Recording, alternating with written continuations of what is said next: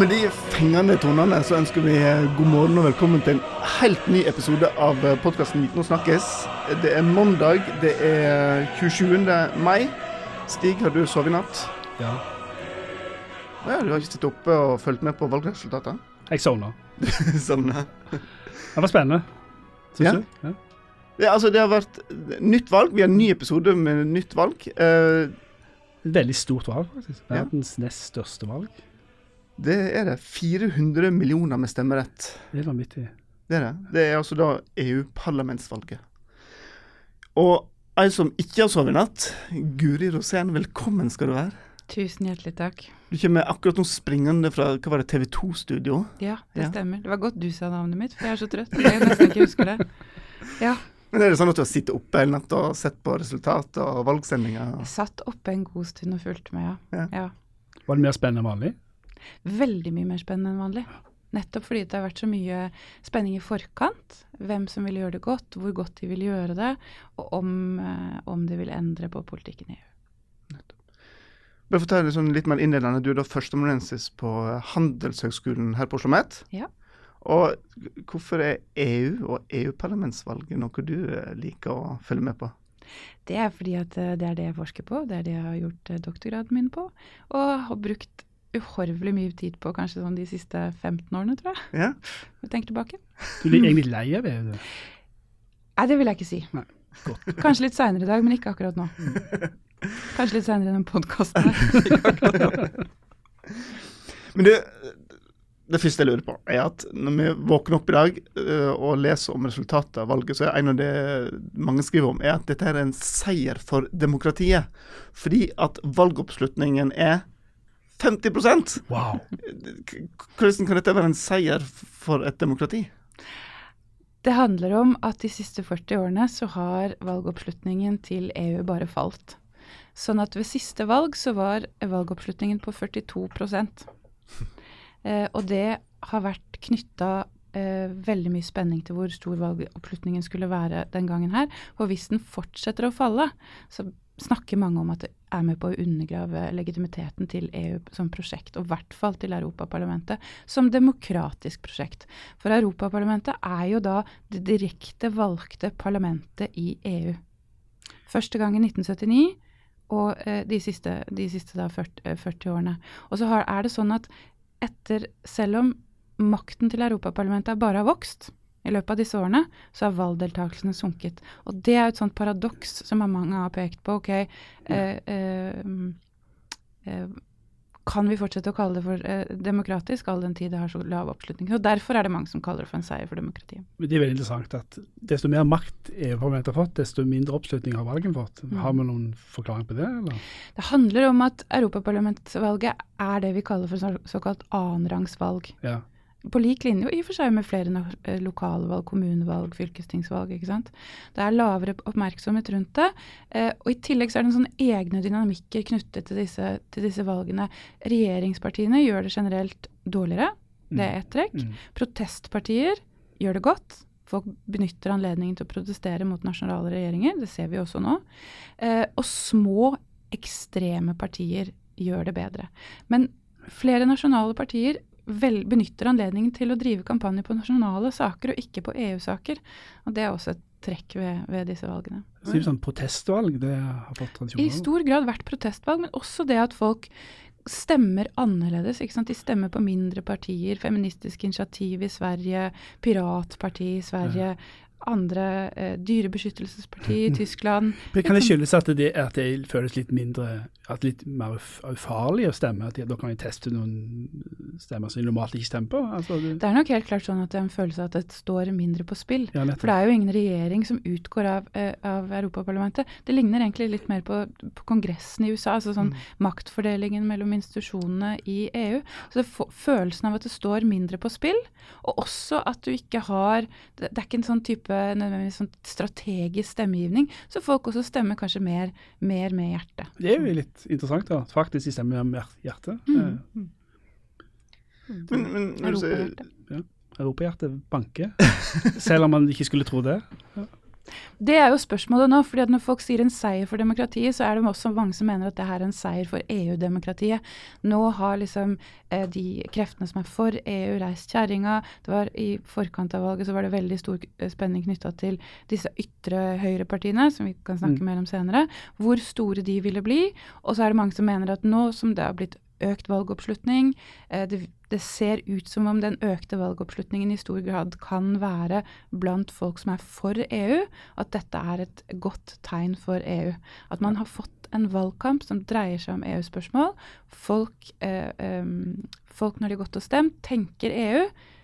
Mm. Det vet jeg ikke om er helt tilfellet. Men det er interessant likevel at det største partiet i hele EU-parlamentet kommer sannsynligvis til å bli brexit-partiet fra Storbritannia. Ikke sant? Men jeg tenker at det er, det er nettopp det som eh, eh, viser at det, det er ikke sikkert at det, selv om det er økt oppslutning, at det her handler om EU den gangen her heller. Det handler fortsatt om nasjonale konflikter, enten det er i Storbritannia eller det er i Frankrike, hvor vi ser at det er, har vært en type folkeavstemning over Macron, ikke sant, sittende presidenten. Men er det nasjonale konflikter knyttet til EU-politikk, eller nasjonale konflikter generelt? Nasjonale konflikter generelt, ja, det ikke er sant? fascinerende. Fo folkeavstemning over presidenten. Ja. Ja. Men når er inne på dette, altså, hvor spesielt er dette EU-parlamentsvalget sammenlignet med de nasjonale valgene? Altså, de resultatene vi ser nå, de trendene vi ser nå, vil vi se de igjen når det er neste gang det er valg i Tyskland og Frankrike og Italia og sånne ting, eller er dette helt sånn separat av, eh, system? Vi har jo sett tegn på at uh, disse store massepartiene, de sosialdemokratiske partiene, de kristenkonservative partiene, svekkes flere steder i Europa. Og det jeg tenker også at eh, som EU-forsker så tenker jeg at dersom det blir endringer på nasjonalt nivå, det er da vi også vil se de store endringene i EU. Nettopp fordi at regjeringene har ganske mye de skal ha sagt på, på EU-nivå. Og jeg tror vel også det at noen av de trendene vi ser nå, med fremgang for sånn ytre eller marginal, mer marginale partier, eller sakspartier, kommer til å gå frem. Men altså, bare ta, ta måte bildet, hovedbildet nå i dette valget. Men det var, var, altså, hva er en måte trenden, altså, hvis du summerer opp kjapt? Og, Første er valgdeltakelsen. ja. Økt valgdeltakelse. Andre er en form for grønn bølge. Grønn bølge, ja. ja. Veldig spennende. Sett i land som Frankrike og Tyskland særlig, at grønne partier har gjort det veldig veldig godt. I Tyskland syns jeg også det er veldig interessant å se på forskjellen mellom generasjonene. Jeg så en eh, statistikk som viste at hvordan folk under 30 har stemt, og der er det altså 33% av de som stemmer på eh, det grønne partiet.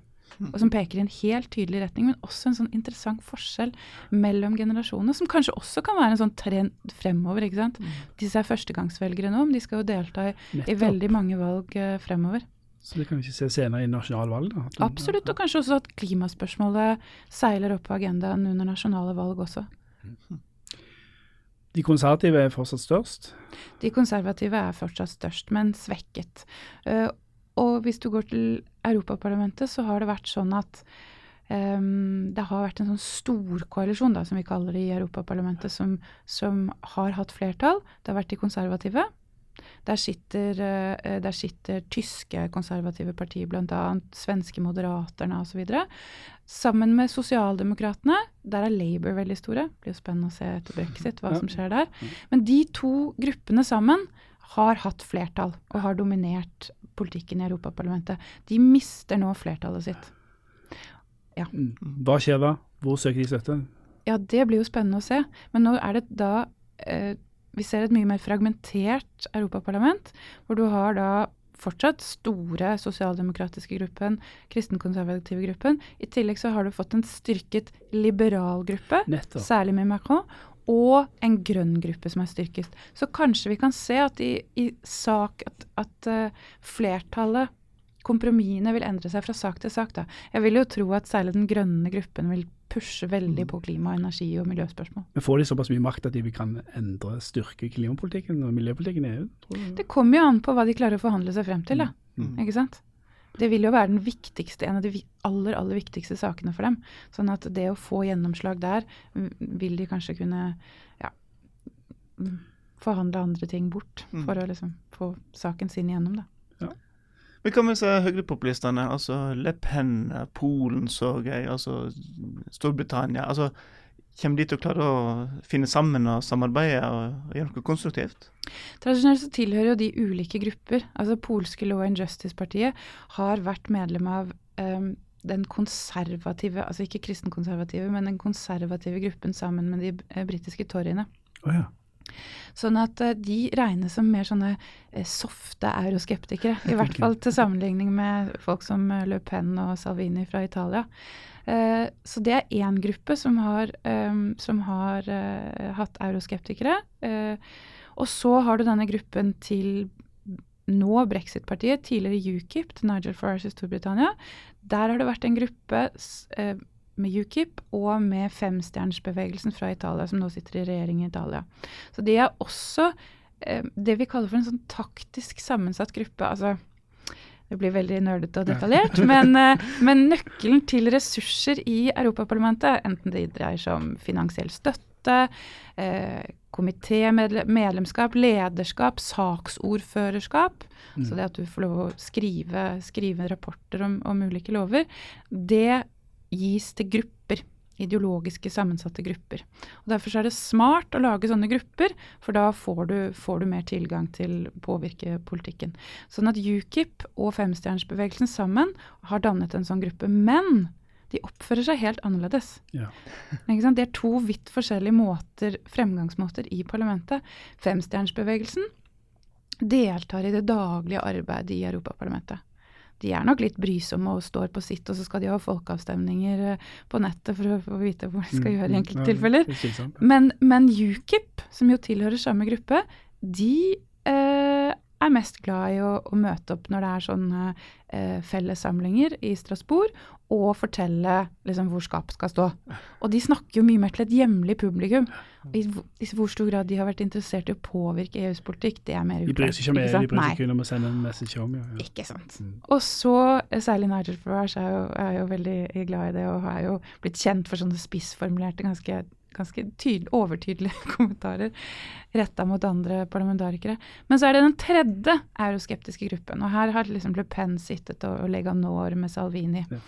Og de har nok tidligere vært, øh, vært veldig oppsatt Det har vært snakk om frexit, ikke sant? det har snakk om, snakk om å ta Italia ut av, av EU.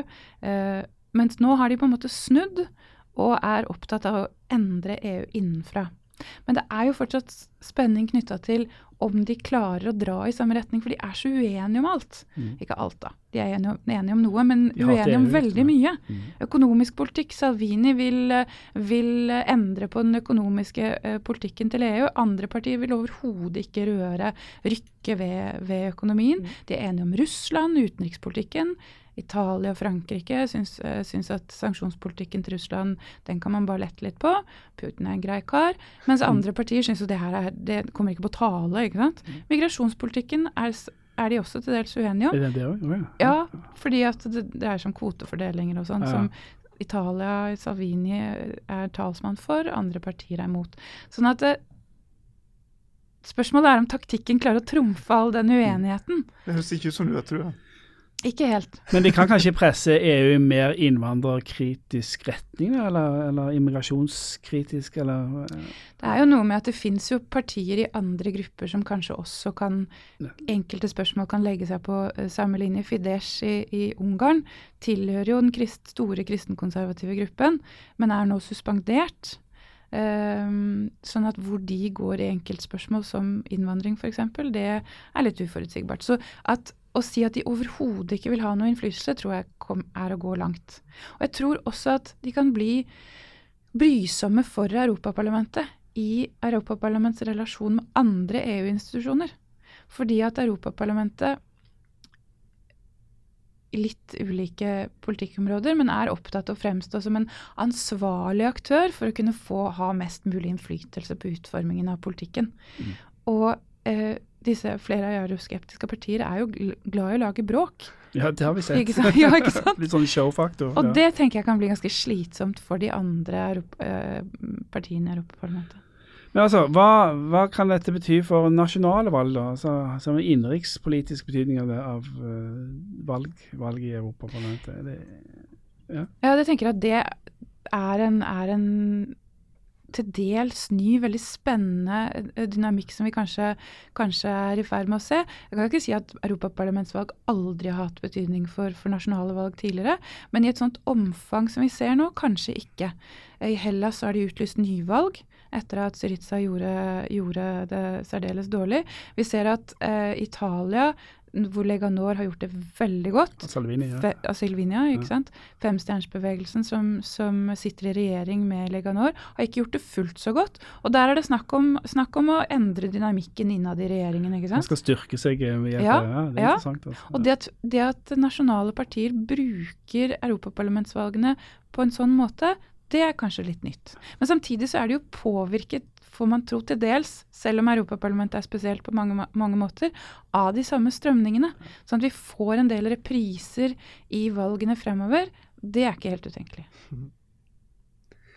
Du Guri, helt til slutt må vi se litt, sånn, litt på oss sjøl etter. Du, du sa før vi trykte på opptaksknappen her at eh, aldri har vi i Norge vært så interessert i et EU-parlamentsvalg som i år. Hvorfor er det blitt sånn? Ja, det lurer jeg også på. Jeg lurer på fordi at, kanskje fordi at politikken er mer spennende. Ja. At det er mye, mye styr rundt det. Rett og slett. Ja, ikke sant? Men kanskje også Norge begynner å, å skjønne at vi faktisk også blir påvirket av det som skjer i Europaparlamentet. Gjør vi det? Ja. Ja, vi gjør jo det, fordi de er jo lovgiver på lik linje med rådet der, der medlemsstatene sitter. Europaparlamentet, hvis de vil, kan blokkere lover. Europaparlamentet, hvis de vil, kan blokkere handelsavtaler. De kan blokkere brexit-avtalen. Sånn at kanskje vi i Norge også skjønner at rammebetingelsene for norsk politikk de blir ikke bare lagt av kommisjonen og av rådet, medlemsstatene, men også av Europaparlamentet. Kanskje. Nå må si to ord om det òg, til slutt. Altså, det, med maktbalansen i EU, hvem som egentlig styrer skuta. Altså, er det parlamentet kommisjonen? Altså, hvem har makta? Det ligger stor makt i, i kommisjonen, i og med at de, de kommer med forslaget til EUs politikk. Og det ligger veldig stor makt i eh, rådet. Regjeringene i EU De har, nasjonale regjeringene. Ja. nasjonale regjeringene har, eh, har definitivt eh, hånda på rattet. Men Europaparlamentet man skal ikke undervurdere makten til Europaparlamentet. De sakene de brenner veldig for, de, har de kan de få gjennomslag for. Med økt oppslutning så kan det jo en, styrke seg endres makt. da. Vi får stadig Ja, der er vi tilbake til de 50 Det er ikke sikkert at det er så mye å slå i bord med Nei, nasjonale sier, regjeringer. sier noe. Men eh, små gleder. Ja, ikke Ja, ikke sant? Men du, eh, nå er valget her i ferd med å bli oppsummert og, og ferdig, og det er hva du sier, fem år til neste Ja, valg. heldigvis. Hva, er- ja. Hva- skal du eh, sysle med nå da framover? Hva er det du kommer til å følge spesielt med på? Jeg kommer til å følge med, spesielt med på enkelte deler av eh, politikken til Europaparlamentet. Jeg har vært forsket på handelspolitikken. Vi ser eh, innenfor EU og innenfor flere land at handelspolitikken endrer seg. Handelsavtalene endrer seg. Og Europaparlamentet er med på å endre innholdet i disse handelsavtalene. Så det kommer jeg til å Det er spennende. Ja, Ja. Trump og alt det der. altså. Og med flere av disse ytre høyrepartiene. Jeg tror at kanskje de velger seg handel som et sånt område der de kan lage bråk. Jeg hørte Steve Bannon sa at det var to saker han mente at det skulle mobiliseres på. Innvandring, selvfølgelig, men også handel. Så det er en sak for fremtiden. Og som jeg skal forske mer på. Strålende. Spennende. Guri Rosén, tusen takk for at du ville komme i vårt podkaststudio og fortelle om eh, EU-parlamentsvalget. Takk for at jeg fikk komme. Så jeg håper du får sove godt i natt, da, eh, når det ikke er valgvake lenger. og Håper du kommer til hektene veldig snart. Tusen hjertelig takk. Og til deg som hørte på, tusen hjertelig takk. Vi kommer tilbake med en ny episode før du vet ordet om det.